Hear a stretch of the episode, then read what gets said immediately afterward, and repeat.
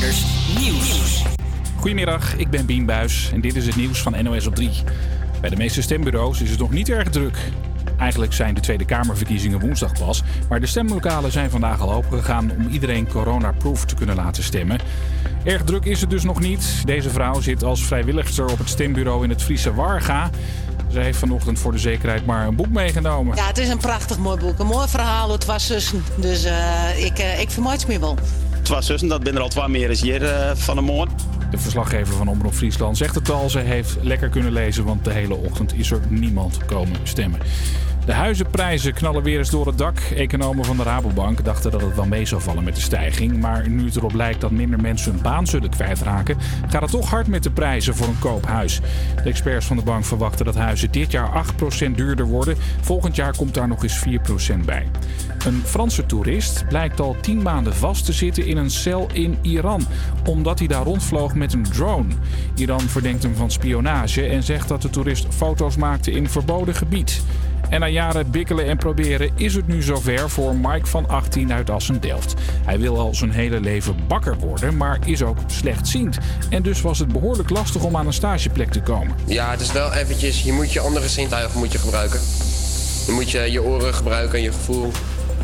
Dus het is, maar het is, wel, het is wel te doen, zeg maar. Maar nu heeft Mike een diploma op zak en mag hij een paar dagen per week aan de slag bij een bakkerij. Daar zagen ze het helemaal zitten. Uh, de motivatie die hij had, dat is ja, nog nooit zoveel meegemaakt. Zoveel motivatie dat hij heeft. En Mike, die zit helemaal op zijn plek. Ik hoop ook gewoon dat ik hiermee andere jongeren en mensen inspireer.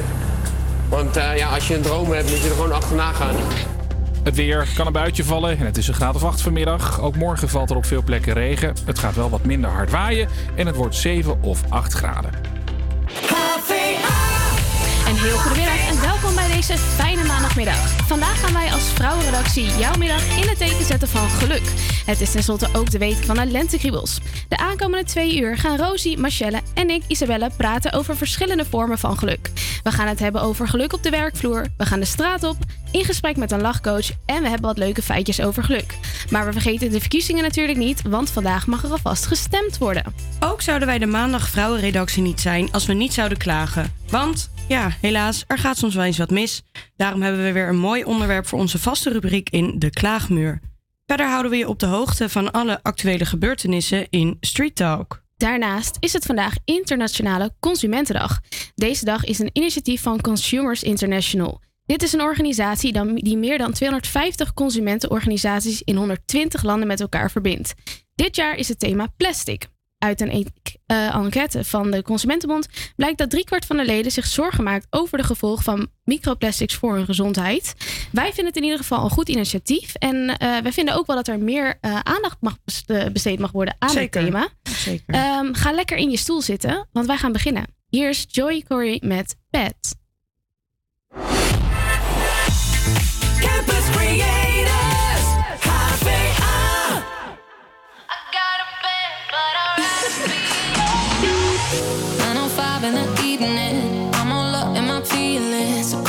Phone cause I can't get enough. And I got work in the morning, early, early in the morning. But who needs sleep when we're loving it up?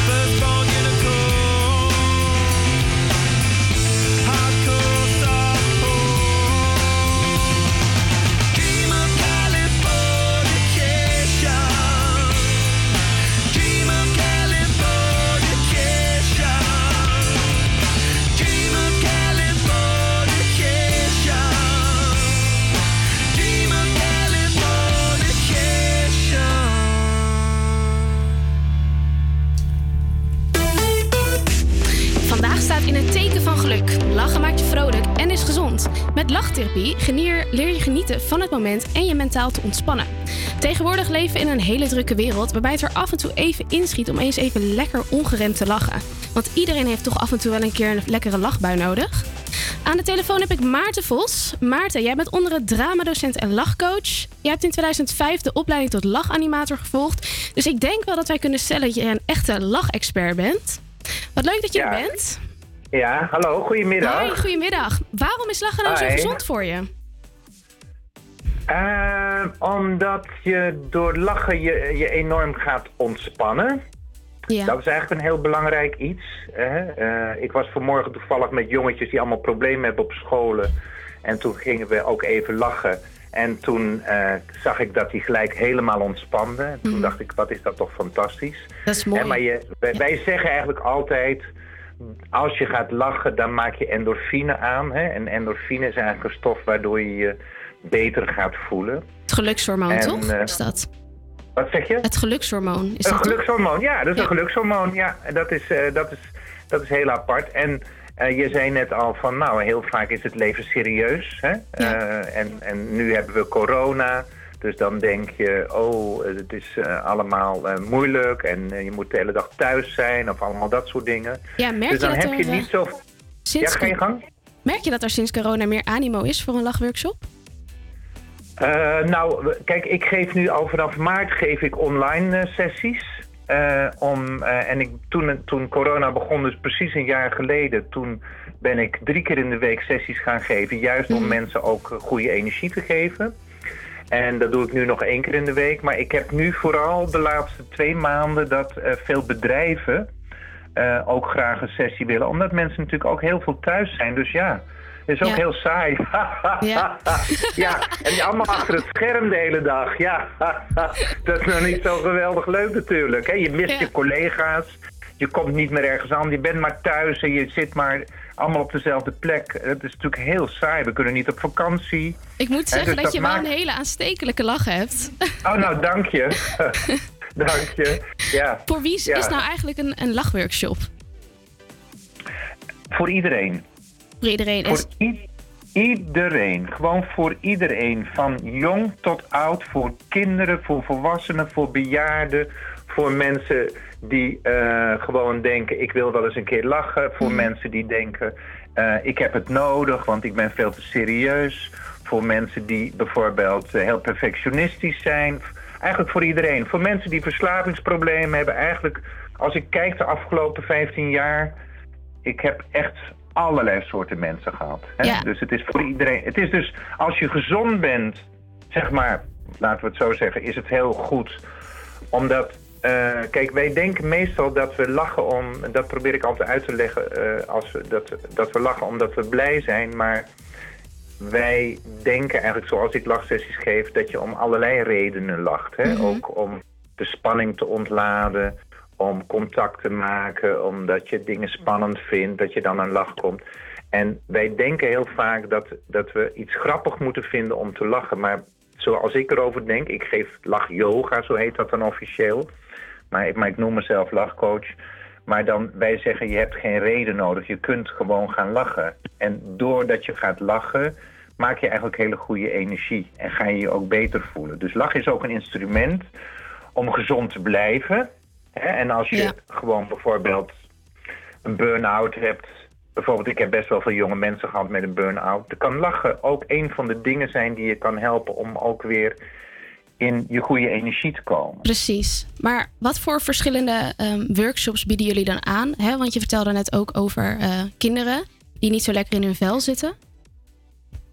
Ja, nou ja, ik heb eigenlijk van alles gedaan. Hè. Ik heb eh, met kinderen heb ik eigenlijk eh, een kinderlachclub gedaan. Dus dan ging ik een aantal keren met kinderen lachen.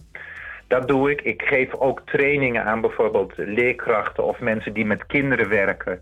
Ik heb een boekje gemaakt met zes lessen en eh, daarin eh, kun je zelf aan kinderen kun je lachles geven. ja, kun je lachles geven. ja, ik moet er even om lachen, omdat ik, eh, ik heb een kleinzoon van vier. Ja. En toen zei ik tegen hem, lachen jullie wel eens op school? Zei, nee, dat doen wij niet. En toen dacht ik, huh? Een kind van vier die zegt, nee, dat doen wij niet. Dat is zo belangrijk, ja.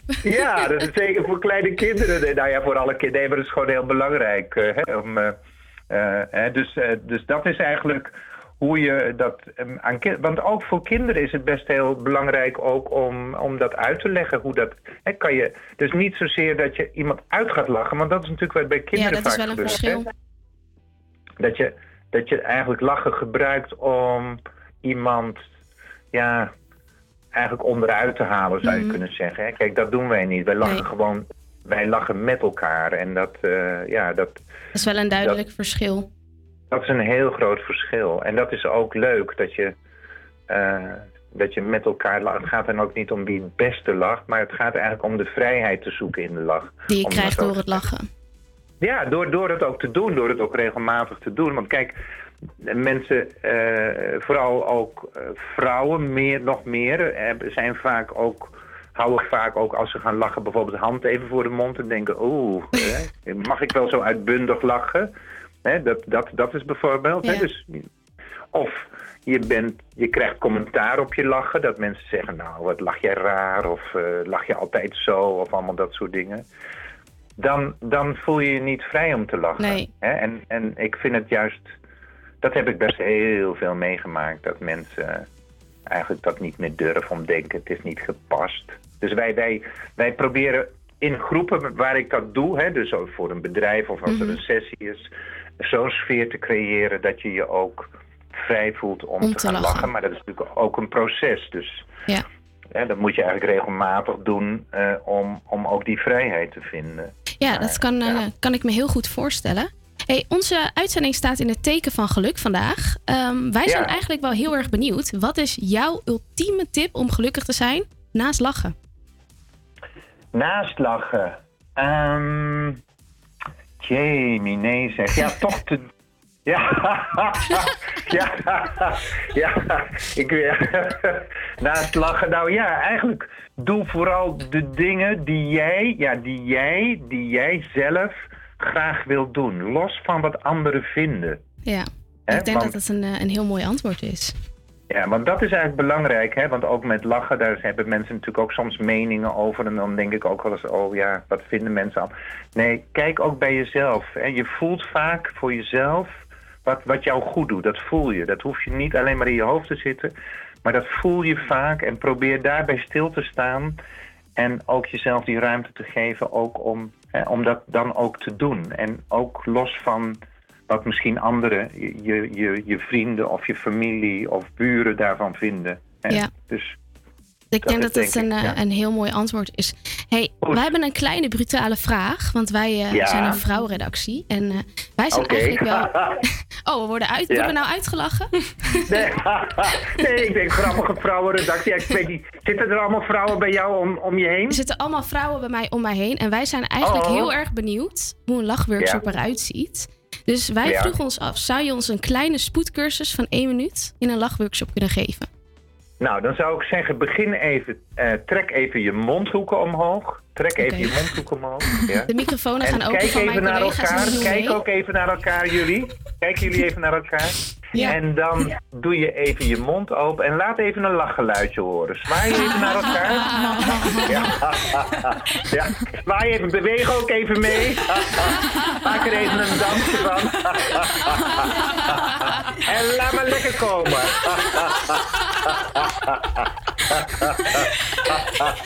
Ja, en geniet er ook even van, hè? Goed allemaal.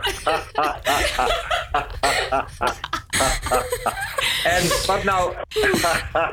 Wat nou... Wat wij, ja, die, kijk, hij gaat al helemaal los. Goed zo. Ik zie jullie niet, maar ik hoor jullie wel. Ja.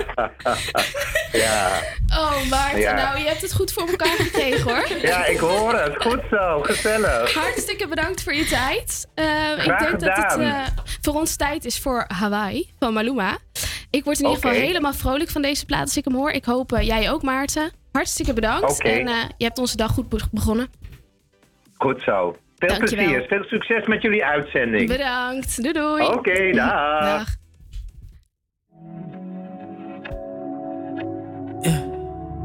So now he's your heaven. You're lying to yourself and him to make me jealous. You put on such an act when you're sleeping together. All this cause I said I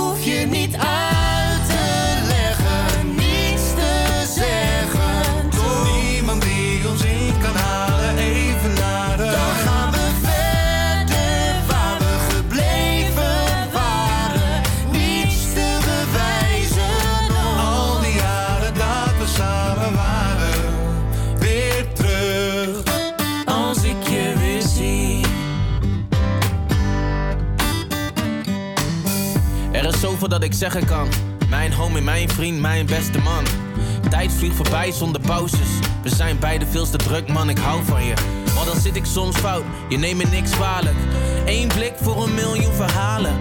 Elke sorry die is overbodig. Je bent daar als de nood het hoogst is. Als ik je weer zie, stel dat ik je eerder zie. Ik zal je pakken, ik zal je smakken. Ik duw je op, ga door het dak en ik neem je mee. Zelfs als ik je niet zie voelt het nog altijd met z'n twee.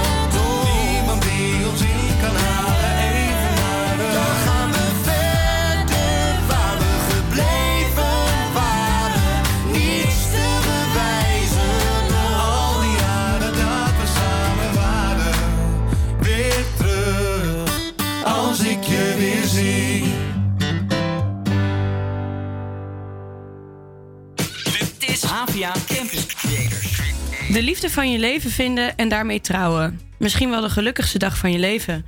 Helaas komt niet iedereen de liefde van zijn of haar leven tegen in het dagelijks leven. Er zijn inmiddels al heel veel datingsprogramma's die je om de oren vliegen, zoals First Dates of Lang Leven de Liefde. Maar volgens de programmamakers van RTL was dat niet genoeg. En daar was Married at First Sight. Nog even in het kort voor de mensen die het niet kennen. Eh, twee mensen gaan de ultieme uitdaging aan om met een wildvreemde te trouwen in het bijzijn van vrienden en familie. Ze worden gematcht aan elkaar op basis van karaktereigenschappen. In het experi- experiment moeten de koppels op huwelijksreis samenwonen en staan ze voor vele uitdagingen. Vooral de Australische versie zorgde voor veel commotie, waarin er zelfs ook vreemdgaan en bedrog in voorkomt. Eh, hebben jullie Married at First Sight gevolgd? Eh, nee, ik heb het niet gevolgd. Jij, Isabel? Eh, ja, ik heb de Australische versie gevolgd. Eh, momenteel ben ik er ook wel weer mee bezig. Ja. Ik vind het wel lekker af en toe wat sensatie. Ja, snap ik. Ehm, ik vind het ook wel, wel grappig, maar ik, ehm, niet alle, alle huwelijken slagen ook. Hè? En ik vind het wel jammer dat er eigenlijk, ondanks het een wetenschappelijk experiment is, dat er toch zo, wei- zo weinig huwelijken slagen eigenlijk. Het is ook zo dat maar 99% of zo, die, eh, dat wordt hem allemaal niet. Die gaan, die gaan weer scheiden. Ja, ik denk dat het een beetje per seizoen verschillend is, Ja. maar er zijn weinig eh, succesverhalen. Van de Australische zijn, is, is er trouwens wel een eh, succesverhaal. Ja, die hebben ook wel een kindje. Ja, Hoe heet ja. ze ook alweer? Ik ben het even kwijt. Eh, eh, Jules en... Ja, eh, ja, ja, ja, ja. Ja, echt was leuk. ook mijn favoriete koppel. Ja, Zouden jullie leuk. zelf meedoen? Nee, nee. nee, ik- wat nou als het echt zo'n mafcase is waar je he- helemaal niks mee hebt? Dan Is zit toch spannend, Rosie? Is toch spannend? Ja, misschien. Maar nee, nee, ik weet het niet. Ik zou het niet durven, denk ik. Maar ja, voor mij is ook weer niks te gek. Kijk, ik heb een relatie, dus eh, ik ga er sowieso niet aan meedoen. Maar mocht ik eh, single zijn, zou ik er misschien wel... Ik zou me niet zelf opgeven. Ik zou, Nee, dan snap ik stel je voor dat iemand mij op zou geven... dan zou ik echt woest worden in het begin. Wat doe je? Maar ja, lijkt me wel grappig. Maar hoe zit het dan? Gaan ze dan dagen of zo, honderd dagen of zo weg? Of ik weet niet precies, ik volg het niet. Ja, ik weet niet precies hoeveel dagen het zijn, maar ze ontmoeten maand, elkaar twee op de bruiloft. Ja. Oké, en, en ze mogen niet eh, zeggen, ik, ik ga nu weg, dit wordt hem niet. Nou, Ja, ik denk dat daar hebben- wel wat regels aan verbonden zijn, maar het is nog niet eerder voorgekomen. Nee. Oh, Oké. Nou, Gelukkig behalve maar. als Rosie mee zou doen, dus weten we dat ook weer. Ja, ik zou het denk ik wel doen hoor. Ja? Niet nu, maar misschien zou ik het wel doen. Ga je opgeven volgend seizoen? Hou ik je aan. Eh, nou ja, het is natuurlijk wel altijd vervelend als een huwelijk niet slaagt. Maar het schijnt dat er iemand is die ons daar veel meer over kan vertellen. En daarom praten wij straks met Matthijs. En Matthijs is de opricht- oprichter van Mannenbrein die ons veel meer hierover kan vertellen. Blijf dus luisteren, maar nu eerst hebben we Maan en Snelle met Blijven slapen. Wat doe ik mezelf aan? Dat ene jurkje aangedaan. Ik ben te vroeg van huis vertrokken, dat is hoe het gaat. En doe ik dan hetzelfde aan? Casual chic, anders dat hem net niet. En hoe laat gaat de laatste trein nog? Ik ben morgen en vandaag te vrij, maar ben je wel gemaakt voor mij? Hoe zou het zijn? Smaakt het naar meer? Of twijfel ik weer? Kom ik nog thuis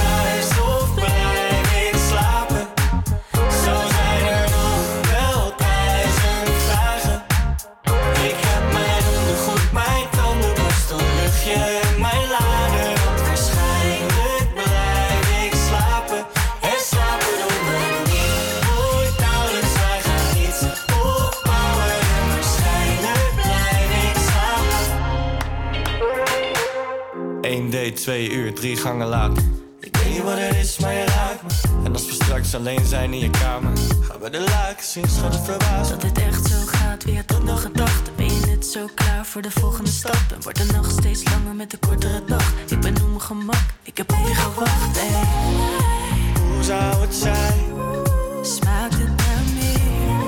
Of twijfel ik weer?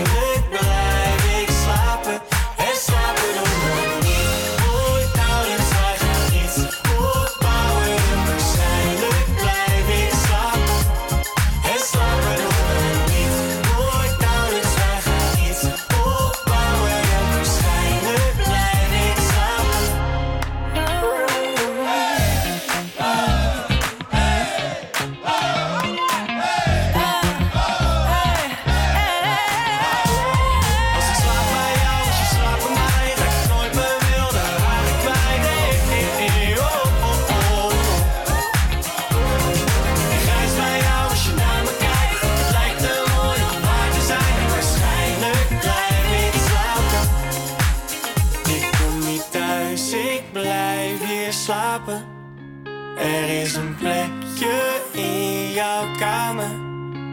Voor mijn ondergoed, mijn tandenborstel, luchtje en mijn lader. Want ik slaap hier vast nog vaker.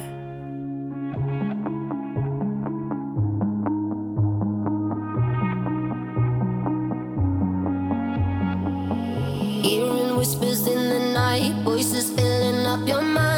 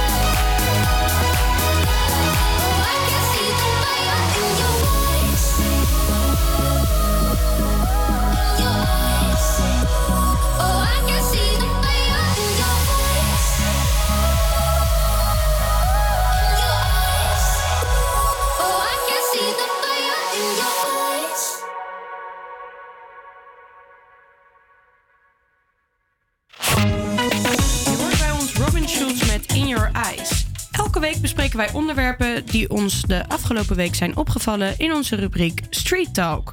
Ja, het is je waarschijnlijk niet ontgaan. De breuk van André Hazes en Monique Westerberg. Ze hebben opnieuw besloten om uit elkaar te gaan. Hazes laat in een reactie aan RTL Boulevard weten dat hij ondanks de onverwonnen, eh, overwonnen hobbels, zo ik ga er helemaal van struikelen, het toch niet meer werkt tussen de twee. Eh, het is ook vandaag precies een jaar geleden dat we voor het eerst in de lockdown gingen. Het is eigenlijk wel bizar, vind ik, dat eh, het allemaal al een jaar geleden is dat onder andere alle schappen wc-papier op waren in de supermarkt. Ja, dat echt de niet normaal. horeca dichtging. Eh, het is echt een eh, enorm gemis. Ja. En ook dit weekend zou eh, de eerste coronatestfestival zijn, buiten. En deze zijn niet doorgegaan vanwege het slechte weer. Dan eh, spring je dus een gat in de lucht omdat je denkt dat je naar een festival gaat... en gaat het weer niet door door het weer. Maar die in de Ziggo Dome die zijn wel doorgegaan. Dus, eh, en dat is ook heel goed gegaan, heb ik gehoord. Dus dat is eh, heel positief. Ja, 13 middelbare scholen in de stad doen komende vier weken mee met een proef sneltesten. Als een leerling minimaal één uur eh, in een leslokaal met een besmet persoon heeft gezeten, dan mag hij of zij twee sneltesten doen. En de eerste sneltest wordt zo snel mogelijk na het ontdekken van de coronabesmetting bij een andere leerling of leraar gedaan. En de tweede sneltest na ongeveer vijf dagen. Mocht je dan negatief zijn, dan mag de leerling weer uit quarantaine en naar school. Ruim 1,3 miljoen mensen keken zaterdagavond naar het interview met Marco Borsato in Linda's Wintermaand op SBS. Eh, de zanger vertelde openhaf- openhartig over het afgelopen jaar, waarin hij eh, onder andere een burn-out had en van zijn vrouw Leontien scheidde. Het programma eindigde daarmee op de vijfde plaats in de, in de lijst van best bekeken programma's. eh, volgens Stichting Kijkonderzoek. Ja, ik heb er alleen maar goede verhalen eigenlijk over gehoord. Behalve op social media zag ik allemaal weer mensen die het er niet mee eens waren. Nee. Eh, we gaan snel door naar het volgende nummer. En dat is het nummer Level van Avicii.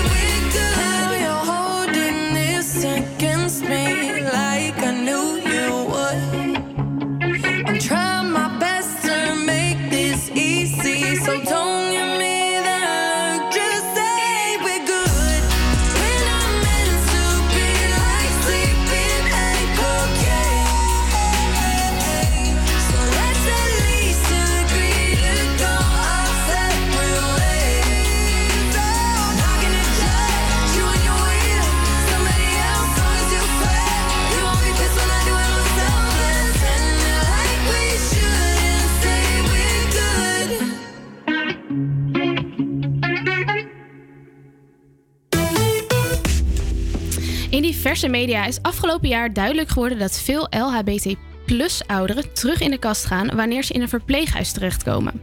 Er ontstaan clubjes en het gaat zelfs zo ver dat sommige ouderen niet aan tafel mogen aanschuiven omdat ze bijvoorbeeld homoseksueel zijn. Daarnaast blijkt dat professionals en vrijwilligers in de zorg en welzijn zich soms ongemakkelijk voelen als het gaat om het ondersteunen van deze LHBT plus ouderen. In 2010 is de Roze Loper het landelijke keurmerk geworden voor verzorgingstehuizen en verpleeghuizen. Met dit keurmerk wordt er aandacht gecreëerd voor seksuele diversiteit, zowel bij hun cliënten als medewerkers. In verschillende verzorgingstehuizen in Amsterdam die hebben zo'n eh, certificaat, zoals het Schouw in Amsterdam Noord.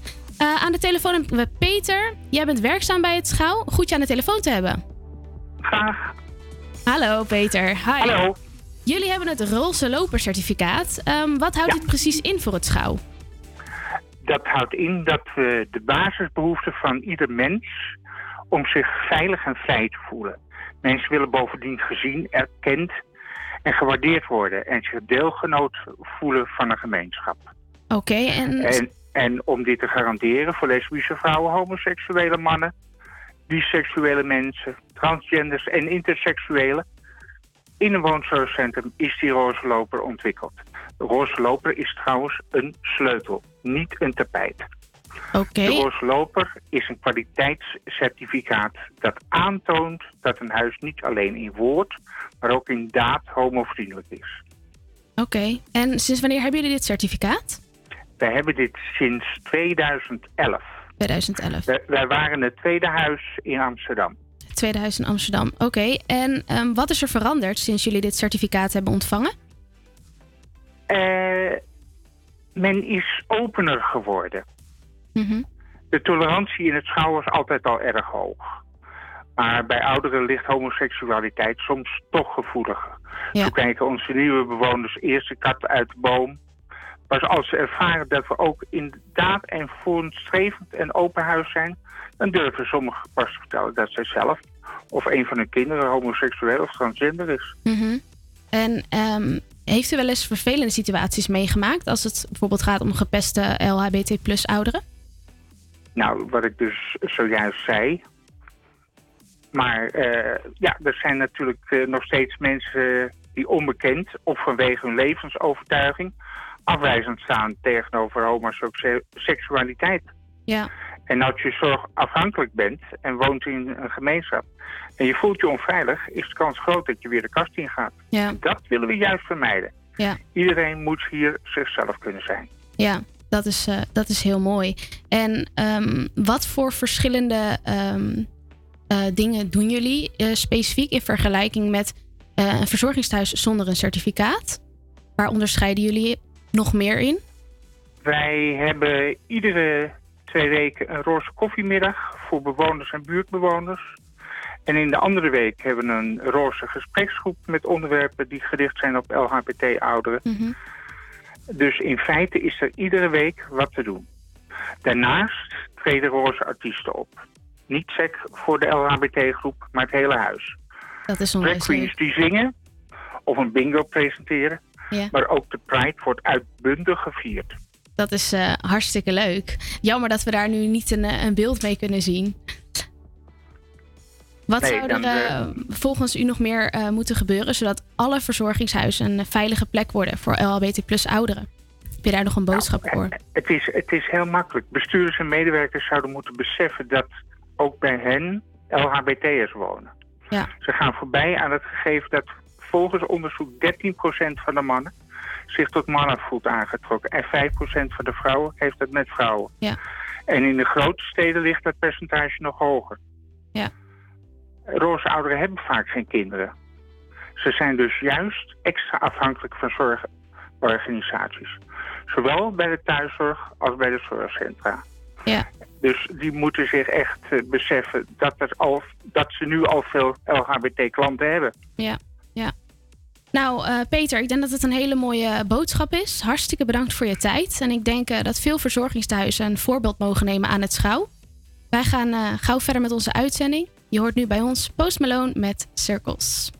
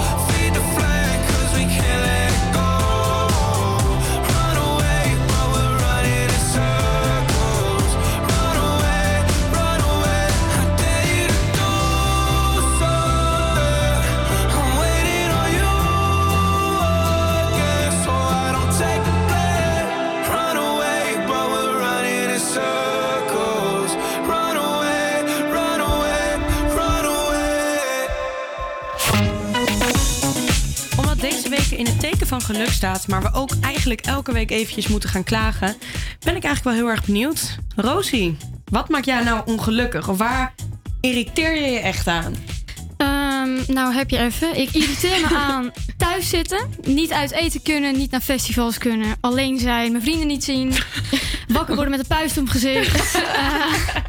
Eh, ja, fietsen zie je gaan inhalen op de snelweg. Op de snelweg? Dat is bijzonder, hoor. ik ben nog gewoon... ja, en eh, zo zijn er nog wel een paar di- eh, mensen die smakken. Oh ja, breek me de bek niet open. Ja, hou op. Nou, dat doen zij dus wel. Die Ja. breken wel de bek Ja, open. ja, en hoe? En hoe? Ja, ik irriteer me heel erg aan eh, mensen die bij de hand doen op social media. Dus op Ja, Instagram en mensen helemaal belachelijk gaan maken, zo veilig van achter een scherm. En wat ik heel vervelend vind, wat ik deze morgen nog had, is dat je tram vijf minuten eerder vertrekt. Oh, hou ja. op. Ja. En daardoor alles mist, aansluitingen. Nee, dan ben jij maar- lekker op tijd Het en is dan ook zo dat, ding niet. Dat Ja. als je gewoon slecht je dag begint of er gebeurt iets, stel je stapt uit bed en je stoot je teen, ja. Ja. dan ben je natuurlijk helemaal over de zeik. Dan gaat Ja. de rest van de dag alles fout. Ja, dat is ook zo. Ja.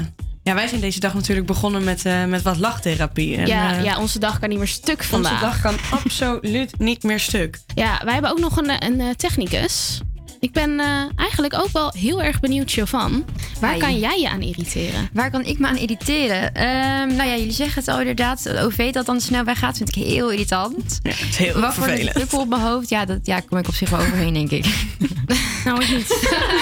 Ehm, nee, ja, waar, waar, waar, wat vind ik nou echt vervelend? Ehm, ja, ik weet ik veel. De theezakjes die op zijn. Als je het dan net wil zetten of zo. dat Ai. soort dingen. Gewoon- oh, dat- ik weet. Wc-papier. Wc-papier. Ja, Oh, papier. Of eh, je gaat koffie zetten. Dit heb ik altijd. Hè. Ik drink geen koffie. Dan neem ik één keer en eh, dan, dan wil ik even, even lekker een, een cappuccino.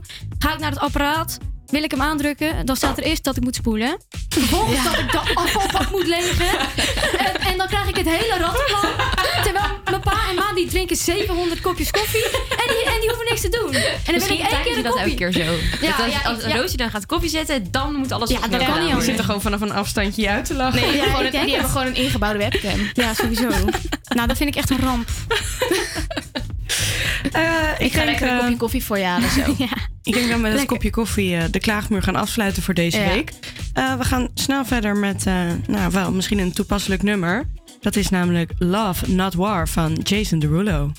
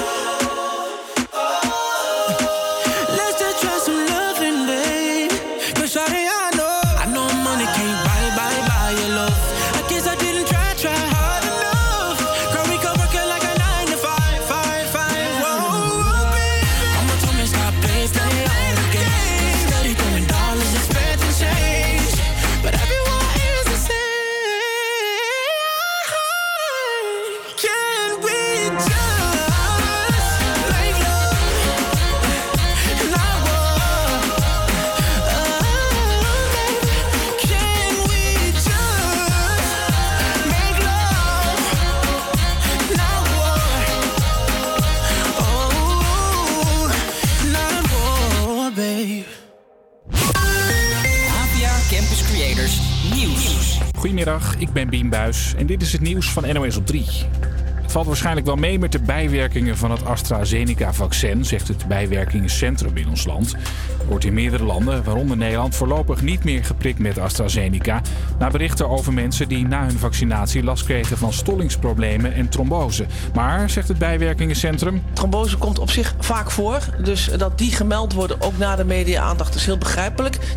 Uiteraard gaan we toch tot de bodem uitzoeken of een relatie kan zijn. Op dit moment denken wij eh, niet op basis van de melding dat een relatie met trombose eh, kan zijn. Voor de zekerheid besloot minister De Jonge gisteravond dus dat er ook bij ons de komende twee weken niet meer geprikt wordt met AstraZeneca.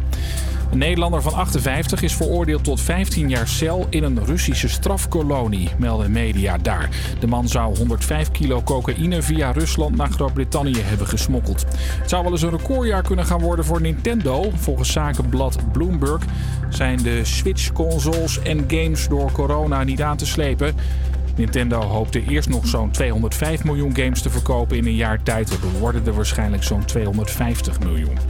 En de terrassen zijn nog altijd niet open, maar toch gingen veel mensen afgelopen weekend even bij de horeca langs. Zo was er in Zutphen een Sunday hike, een wandeling waarbij je op allerlei plekken een tussendoortje kon halen, zoals een kop koffie. Ja, het is hartstikke leuk natuurlijk dat ze hier langskomen. Het is natuurlijk vreselijk voor de horeca en, en ook voor de winkeliers en voor zoveel bedrijven om ze helemaal stil te staan. Dus als dan kleine dingetjes mogen en ze kunnen in ieder geval weer de ontmoeting eh, hebben, ik denk dat dat super belangrijk is. In Zeeland kon het met de auto, daar was een drive-by langs restaurants. We hebben nu één restaurantje gehad en dat was echt perfect. Dus eh, ja, kijk, kijk naar deze, zou ook wel goed zijn. Alsjeblieft, jullie gerechtje en het kaartje weer terug. Dankjewel. Alsjeblieft, eet smakelijk. Dankjewel.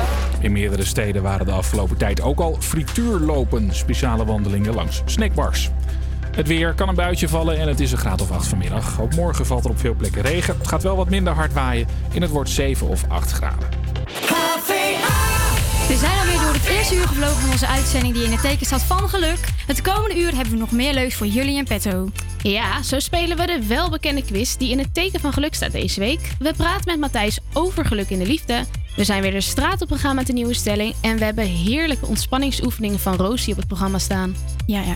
Ik kijk er enorm naar uit. Ik ook. Maar nu eerst is het tijd voor weer wat heerlijke nummers. Eh, afgelopen jaar hebben Snelle en Ronnie Flex een nummer geschreven... waarbij zij terugdachten aan de tijd waar het liedjeschrijven... eigenlijk voor hun allemaal is begonnen. En dat is thuis. Maar voor Snelle was dit specifiek in de schuur.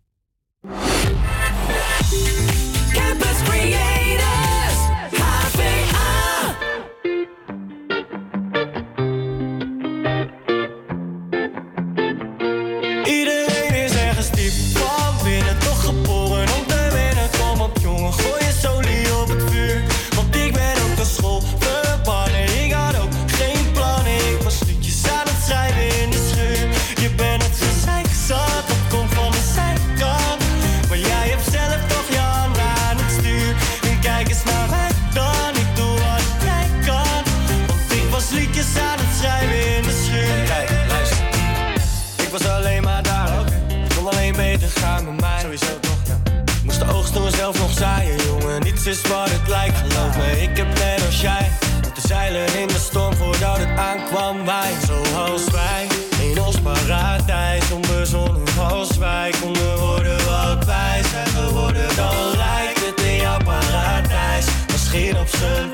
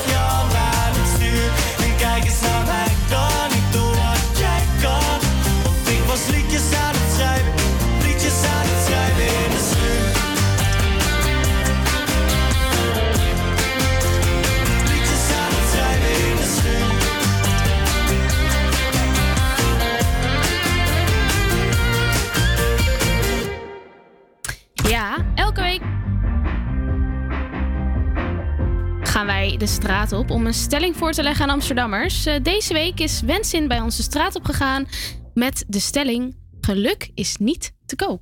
Het is de week van geluk. Daarbij past de stelling: geluk is niet te koop. Ik ging op pad met, de, met die stelling om te kijken wat andere mensen daarvan vinden. En ja, ook waarom. Of dat ze zelf een leuk voorbeeld daarvan hebben. Ik vind dat geluk niet te koop is, omdat het vaker toeval is dan dat je het kunt kopen. En heb je daar een eigen ervaring ook mee? Ja, net. We hebben gelukkig net de trein op tijd gered. Geluk is niet te koop. Wat denkt u daarvan? Ik ben het daarmee eens. Ik denk dat geluk veel meer afhankelijk is van liefde, vrienden, vriendschap en gezondheid. En heeft u daar zelf misschien nog een voorbeeld van? Ik ben zelf twee jaar geleden ben ik ziek geweest, heb ik kanker gehad en ehm, dan is alles, al het materiële is niet meer zo belangrijk. De liefde om je heen en de vriendschap en je gezondheid, daar, dat, is, dat is voor mij veel meer geluk. En mijn paard, dat is mijn allergrootste geluk. Ik denk dat geluk eh, niet, op zichzelf niet te koop is. Maar je kan wel zeker dingen kopen die je gelukkig kunnen maken. Zoals als jij bijvoorbeeld eh, heel hard wil gaan met een auto of een motor. Dan, eh, dan koop jij een, een auto of een motor die heel hard kan gaan. En als jij daar gelukkig van wordt, van lekker hard gaan. Nou, dan is het op die manier wel te koop. In principe ben ik het ermee eens. Maar ik denk wel dat er heel veel dingen zijn die mij heel veel geluk brengen, die wel te koop zijn. Materialistische dingen. Misschien ben ik ook een klein beetje materialistisch. Maar er zijn heel veel dingen, kleding bijvoorbeeld, wat mij heel gelukkig maakt, wat in principe wel te koop is. Ehm, maar dingen zoals vriendschap of dat je met je familie bent, dat is natuurlijk niet te koop. En dat brengt me ook heel veel geluk. Dus een beetje eens en ook een klein beetje oneens. Te koop is het niet, maar het helpt natuurlijk wel als je gewoon iets meer geld hebt, dan kan je wel een hoop dingen veroorloven natuurlijk waar je gelukkig van wordt. Maar geluk in de zin van een partner hebben of een, een kind wat, wat goed functioneert. Nee, dat is inderdaad niet te koop, nee. Ja, geluk is niet te koop. Marcella, wat vind jij hiervan?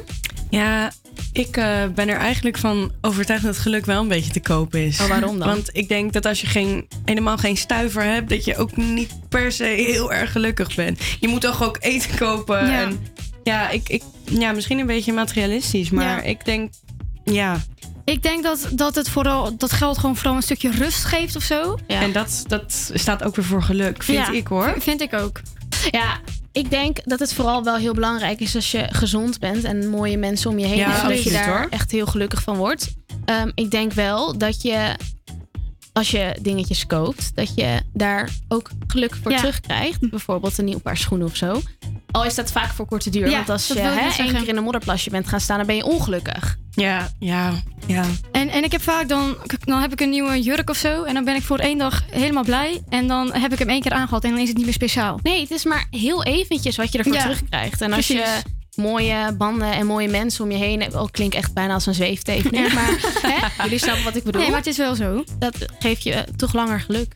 Ja, Denk ik denk ik. dat het meer is, geluk is in principe niet te koop, maar helemaal geen geld, dat, dat is het ook niet. Nee, ik, eh, ik ben het daarmee eens. Ik denk dat we daarmee eh, onze short van deze week mooi kunnen afsluiten. Zeker. Je hoort nu bij ons Adele, Rolling in the Deep.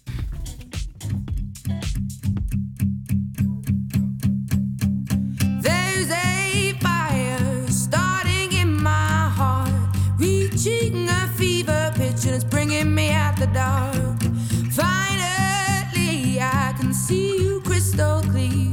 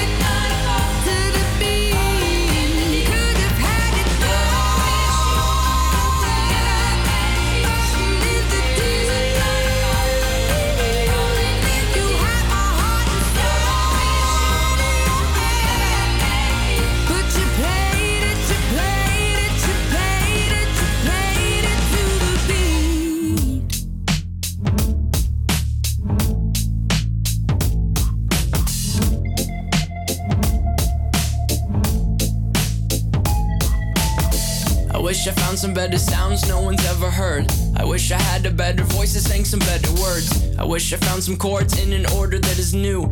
I wish I didn't have to rhyme every time I sang. I was told when I get older all my fears would shrink, but now I'm insecure and I care what people think. My name's Blurry Face and I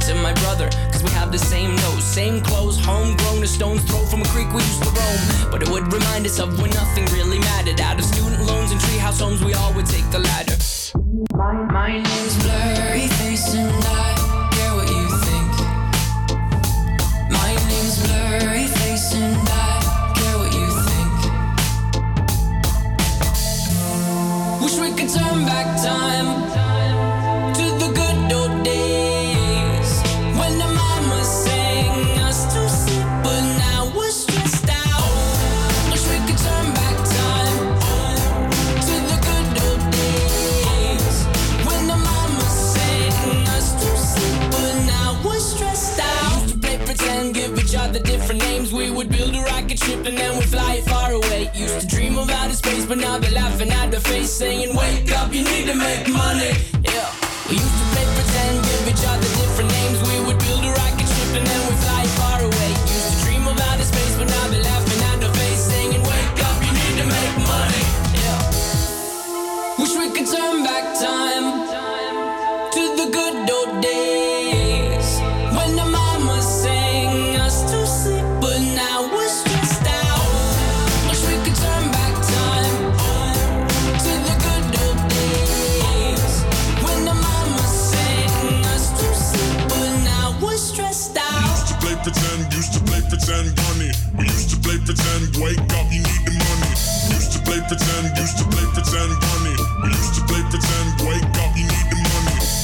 play pretend, give each other different names. We would build a rocket ship and then we fly far away. Used to dream of outer space, but now they're laughing at the face, saying, wake up, you need to make money.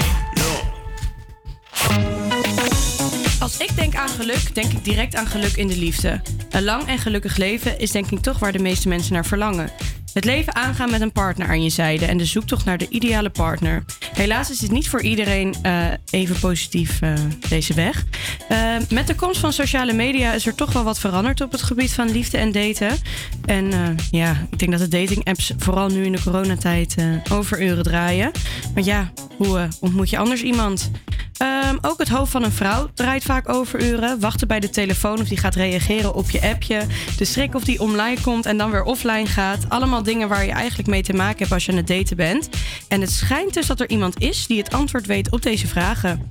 Hier in de studio hebben we Matthijs. En Matthijs is datingcoach en oprichter van Mannenbrein. Zou je zelf heel kort kunnen vertellen wat Mannenbrein is en waarom je het nodig vindt, eh, vond eigenlijk om hiermee te beginnen? Ja, prachtige intro die je hier geeft. Dank je wel. Nou, ehm, we zijn ooit begonnen met datingadvies voor mannen. Maar we kregen heel veel vragen van vrouwen van... Oh, hebben jullie ook iets voor ons? En toen de tijd dat we een heel lullig e-boekje, dat was het. Toen zeiden we, oké, daar moeten we echt wat mee doen. En het grappige is dat je ziet waar de mannen een beetje ophouden van... Oké, we hebben een eerste date en we zijn datende. Beginnen de vrouwen als het ware van... Oké, ik heb een leuke man ontmoet. Ik zou heel graag een relatie met hem willen. En dat is iets waar we nog niet zoveel content over hadden. Waar we nog niet zoveel cursus over hadden. En dat is waar Mannenbrein over gaat. Hoe je dan uiteindelijk een liefdevolle, gelijkwaardige relatie krijgt. Oké, eh, vrouwen komen dus naar jou toe met een probleem of een vraag. Maar wat zijn nou de problemen waar het meest tegenaan wordt gelopen? Het allermeeste zou ik zeggen dat de dames die bij ons komen, dat geldt echt wel gewoon voor een goede 70%, Mhm. negatieve patronen heeft die hen belemmeren om een relatie te starten. En dan moet je denken aan een hechtingsproblematiek, bindingsangst, verlatingsangst. En dat vertaalt zich door naar hoe zij in relaties staan.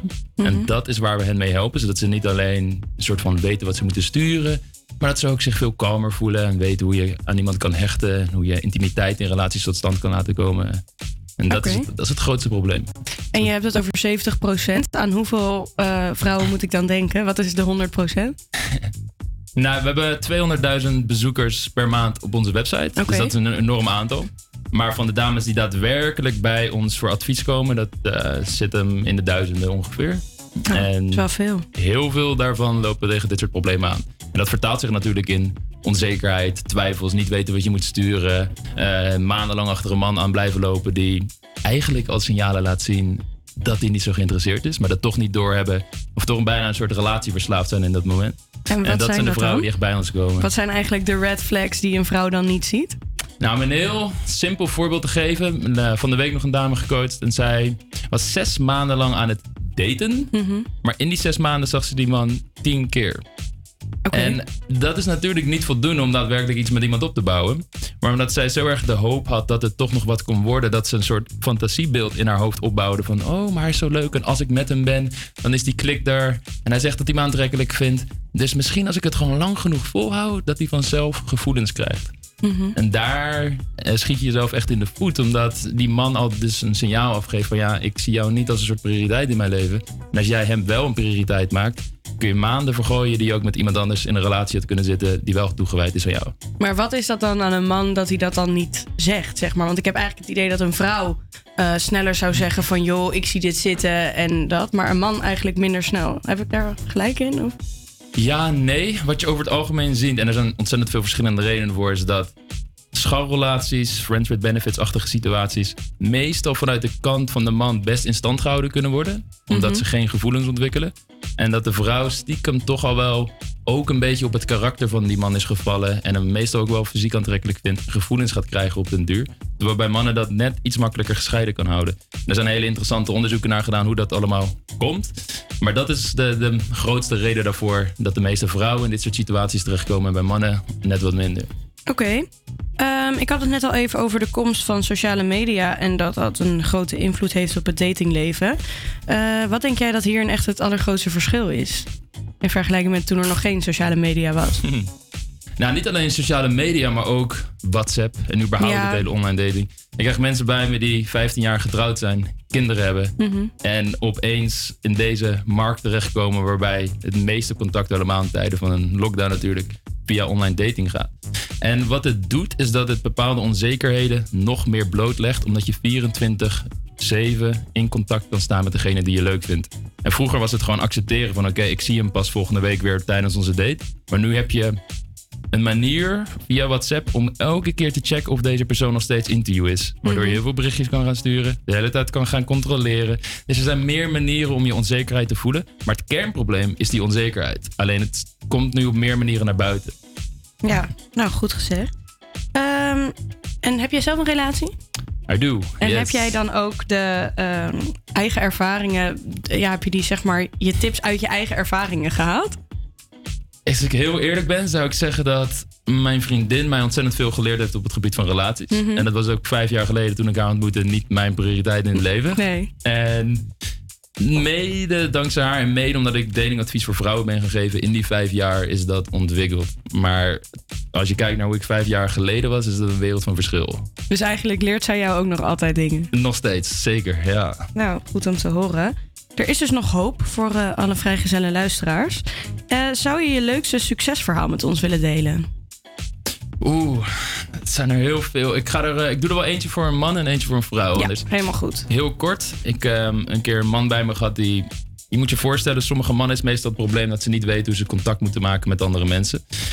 Waarbij ze dus leren via onze training om iemand aan te spreken in een club bijvoorbeeld. En deze man was 53, altijd een beetje een buitenbeentje geweest. Kwam bij ons aan met sokken in sandalen op de Mhm. training, terwijl we nog naar een bar moesten. Oh, oh. Ja, en eh, aan het eind van die avond, door middel van onze training en hoe we het deden, kwam hij naar me toe en hij zegt: Ja, voor het eerst in mijn leven heb ik het gevoel gehad dat ik echt bij hoorde. En dat mensen plezier met mij hadden. En, en dat is zo'n mooi gevoel dat ik zie wat er allemaal mogelijk is. Ondanks die sokken met sandalen. Ja, kun je raden. Nee, we hebben trouwens die, Eh, een coach is naar het appartement gegaan van zichzelf en heeft schoenen voor hem gehaald. Dat, anders kon hij waarschijnlijk niet eens binnen. Maar, Oh, oh, oh. Ja. En bij vrouwen is het eh, prachtig. Ik heb laatst een, een allereerste bericht van iemand die zei... ja, de eerste mannenbrein baby is geboren Mhm. uit een relatie met een man... die ik mede dankzij jouw cursus heb gevonden. En dat was voor mij gewoon zoiets prachtigs.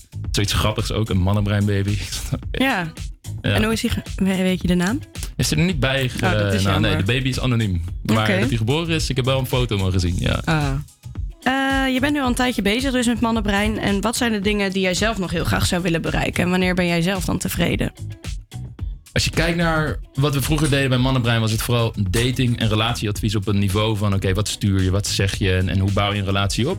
En tegenwoordig zitten we veel meer in: oké, je hebt een bepaalde hechtingsstijl. Je bent wellicht onveilig gehecht of er zijn andere dingen in jouw leven gebeurd die ervoor zorgen dat jij nu belemmerd wordt in het aangaan van relaties. En hoe pak je dat aan? Hoe doorbreek je die patronen? En dat is best wel therapeutisch werk. En ik dacht altijd dat ik geen psycholoog zou worden. Mijn vader en mijn broer zijn allemaal psycholoog. En ik dacht dat ik iets anders ging doen. Maar stiekem via de achterdeur ben ik nu ook met dit soort problemen bezig. En dat is de kant waar Mannenbrein nu op gaat. Omdat ik gewoon zie dat sommige mensen intellectueel het advies prima begrijpen. Maar emotioneel met blokkades zitten waardoor ze het niet kunnen uitvoeren. Ja, klinkt ook heel eh, psychologisch. Ehm, het is vandaag een uitzending die in het teken staat van geluk. Wat betekent geluk voor jou? Oh, wat een mooie vraag. Ik zou toch zeggen dat je 100% authentiek jezelf kan zijn. Mhm. Als ik naar mijn eigen leven kijk, is dat hetgene wat me het meest geluk heeft gemaakt. Ik, ik wist al dat ik datingcoach wilde worden sinds ik 18 was. Maar zoals iedereen die een droom heeft en dat niet durft na te jagen, ging ik rechten studeren. Mhm. Waar ik heel ongelukkig van werd. En uiteindelijk toen ik echt ben gaan kijken, oké, wat wil ik nou echt? Nou, stiekem wil ik dit nog steeds. En stappen in die kant, in die richting ben gaan zetten. Kan ik echt zeggen dat ik elke dag met een glimlach wakker word en denk, ja, ik heb echt de beste baan ooit en ik hou van wat ik doe. En ik denk, als dan alles wat je interessant vindt in het leven een soort van aligned met datgene wat je ook de hele tijd doet, dat je automatisch in een soort flow terechtkomt die heel veel geluksgevoelens als bijproduct heeft. Nou, wat goed om te horen. Ehm, dan gaan we het hiermee afsluiten. Hartstikke bedankt dat je hier wilde zijn. En eh, wij gaan verder met eh Higher van Clean Bandit.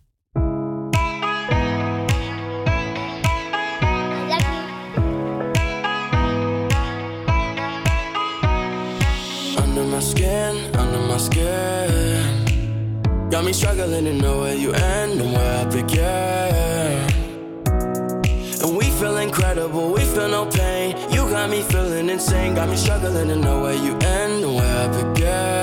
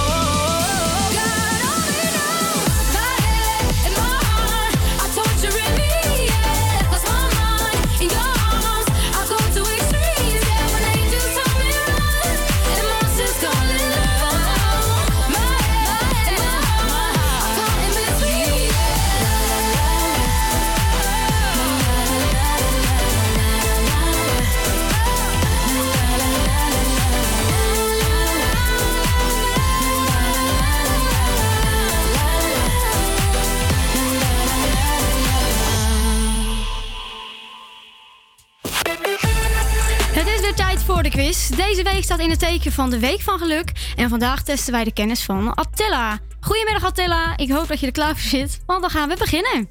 Je krijgt acht vragen en als je er meer dan vier van de acht goed hebt, mag je een verzoeknummertje uitkiezen. 20 maart is uitgeroepen tot de Internationale Dag van Geluk door de Verenigde Naties. Op deze dag dient iedereen vreugde met elkaar te delen. De Verenigde Naties omschrijven het nastreven van geluk als een fundamenteel menselijk doel. Daarnaast wordt op 20 maart het gelukkigste land ter wereld bekendgemaakt in het World Happiness Report.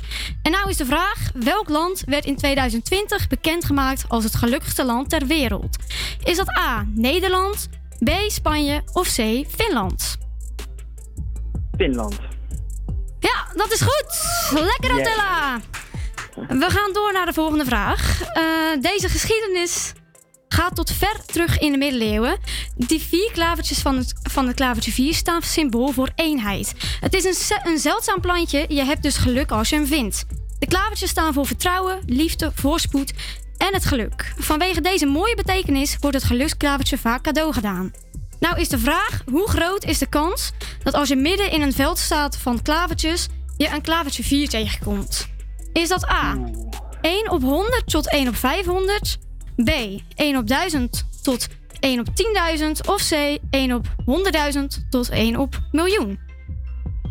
Oeh, ik ga voor antwoord B. Ja, nou, weer goed. We gaan door naar de volgende vraag. Muziek heeft invloed op onze gemoedstoestand. Denk maar aan verschillende genres die je luistert als je bijvoorbeeld gelukkig bent of juist verdrietig. BAST, de British Academy of Sound Th- Therapy, bestudeert, alle enkele, bestuurt al enkele jaren wat, effecten, eh, wat de effecten zijn van muziek. Om je optimaal te kunnen ontspannen, on- ontspannen is de ideale luistertijd 13 minuten. Ontspanningsmuziek wordt gekenmerkt door simpele melodieën, geen tekst en een traag tempo. De vraag is: er is zelfs gebleken dat het nummer Weightless symptomen van angst blijkt te verminderen. Bij hoeveel procent van de mensen is dit het geval? Is dat A 25 B 45% C 65% of D 80% Ik zeg C. Nou, dit is niet normaal. Hij is gewoon weer goed. nou. Eh, wanneer je in beweging bent, komen in je hersenen bepaalde stoffen vrij, de gelukshormonen. De bekendste gelukshormonen zijn dopamine en endorfine. Deze stoffen verminderen pijn en stress en geven je een fijn gevoel. Deze stoffen ontstaan wanneer je in beweging bent, maar ook nog in de uren daarna. Het fijne gelukzalige gevoel houdt nog een tijdje aan. Nou is de vraag, hoe lang moet je in een rustig tempo bewegen om een gelukzalig gevoel te krijgen? Oeh. Eh, is, is, sorry, wacht even. Is dat A, 30 minuten, C, 60 minuten of D, 80 minuten? Ik zeg 60 minuten. Nee, dat is niet goed. Het Ja, antwoord is het namelijk... Ja, het antwoord is namelijk 30 minuten. Ehm, om de ideale hoeveelheid gelukshormonen te krijgen, moet je een half uur in rustig tempo bewegen. Je zou dus kunnen zeggen dat je van een dagelijkse wandeling van een half uur gelukkig wordt. Dat sporten het geluksgevoel bevordert is een feit. Maar zorgt beweging er ook voor dat je minder gestrest bent? Is dat A? Dit is waar. Of B? Dit is niet waar.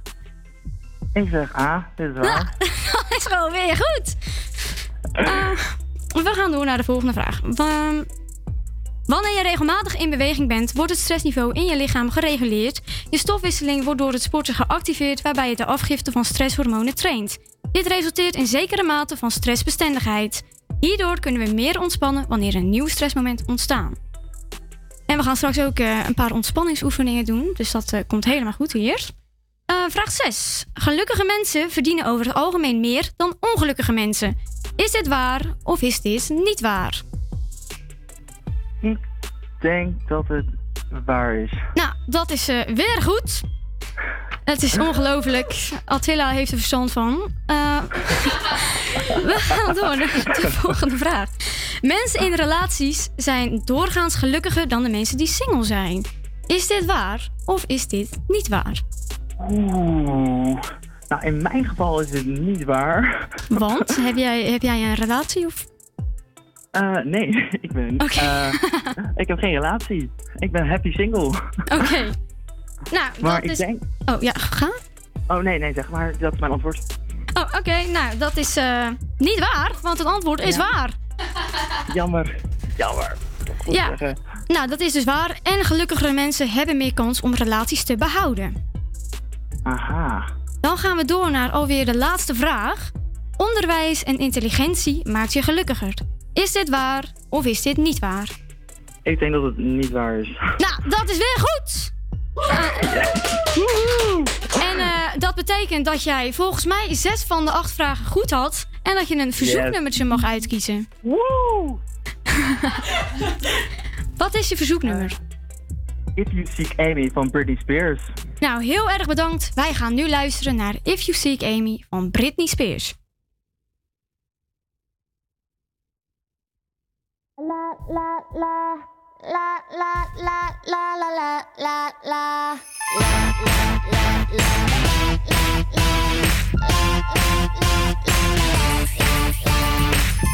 la la baby, have you seen Amy tonight?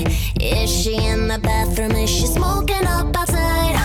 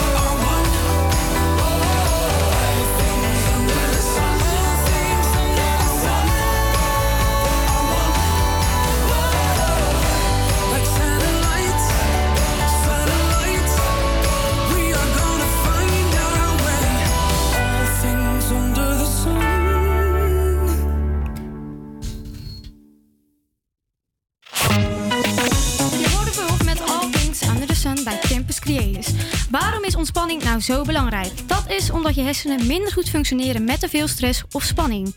Hierdoor kun je bijvoorbeeld vaker dingen gaan vergeten, ben je snel afgeleid en gevoeliger voor negatieve emoties. Dit is te voorkomen door eh, je hersenen voldoende rustmomenten te geven. En daarom leek het ons leuk om in de eh, studio eventjes twee minuutjes te gaan ontspannen. Dus iedereen eh, moet even gaan staan. En voor de luisteraars thuis, zit je nou ook de hele dag achter, achter je laptop en heb je last van je nek aan het einde van de dag? Doe dan nu samen met ons mee met de ontspanningsoefeningen. Adem even diep in. Nou, ik ben er helemaal klaar voor hoor. En weer uit. Dat doen we nog een keer. En weer uit. Oké, dan gaan we nu beginnen met de schouderdraai even naar achter. Ja, erg goed. Ik heb spierpijn. Het zit helemaal vast. Ik heb gisteren En weer naar gebootcampt. voren. Oh, even omdraaien. Even kijken. Alsof hoor. we in de club staan. Dan gaan we nu om met de schouders omhoog. En weer omlaag. Jawel, erg goed. Weer Het is leuk als jullie ons ook eventjes kunnen zien. En omlaag. Dan gaan we verder met de rechterhand naar de linkerkant van je hoofd. Even kijken, rechts. En rechts naar de microfoon rechts, links, ja. En ga je zachtjes trekken aan je hoofd. Kijk even uit als je aan het autorijden bent, want eh, we willen geen ongelukken door deze uitzending. Rosie, waar is dit goed voor? Dit doet alleen maar pijn. En wissel. Zachtjes trekken. Jawel. Is het voor je hoofd of voor je armen? Of voor je nek? Voor je nek. Goedemorgen. Oké, dan ademen we nog een keertje diep in. En weer uit. Dat gaan we nog een keer doen voor de allerlaatste keer. Zo, nou, ik ben weer helemaal zen. Ik weet niet hoe het met jullie zit. Ja, ik voel me Heeft wel het een beetje in de, in de schouders. Ik heb wel een beetje hoofdpijn nu. ik vooral nekpijn. Nou, dat waren de ontspanningsoefeningen. We gaan nu luisteren naar een heerlijk ontspannen nummers. Namelijk Rolf Chances met Van Van. Pen.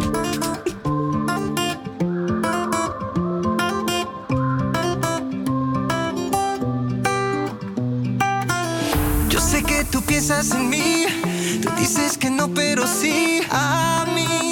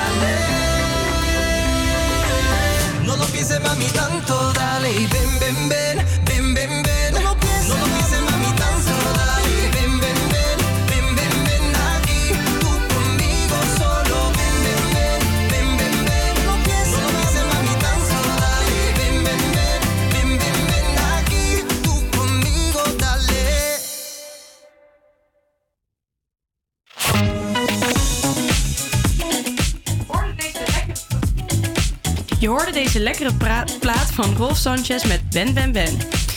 Ja, wij zijn alweer eh, aan het einde gekomen van onze uitzending, die eh, geheel in het teken stond van geluk. Ik hoop dat je met onze uitzending een beetje geluk en ontspanning hebt. Ik hoop dat we je met deze uitzending een beetje geluk en ontspanning hebben laten voelen. En ja, dat je weer wat energie hebt voor de rest van de week.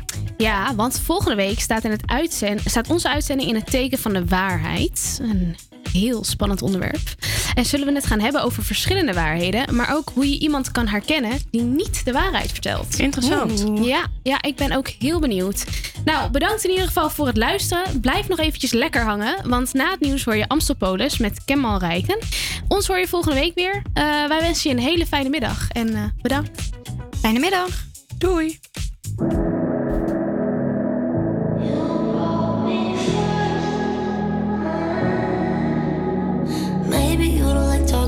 About yourself. But you should have told me that you were thinking about someone else. You're drunk at a party, or maybe it's just that your car broke down. Your phone's been out for a couple months, you're calling me now. I know you, you like this. When shit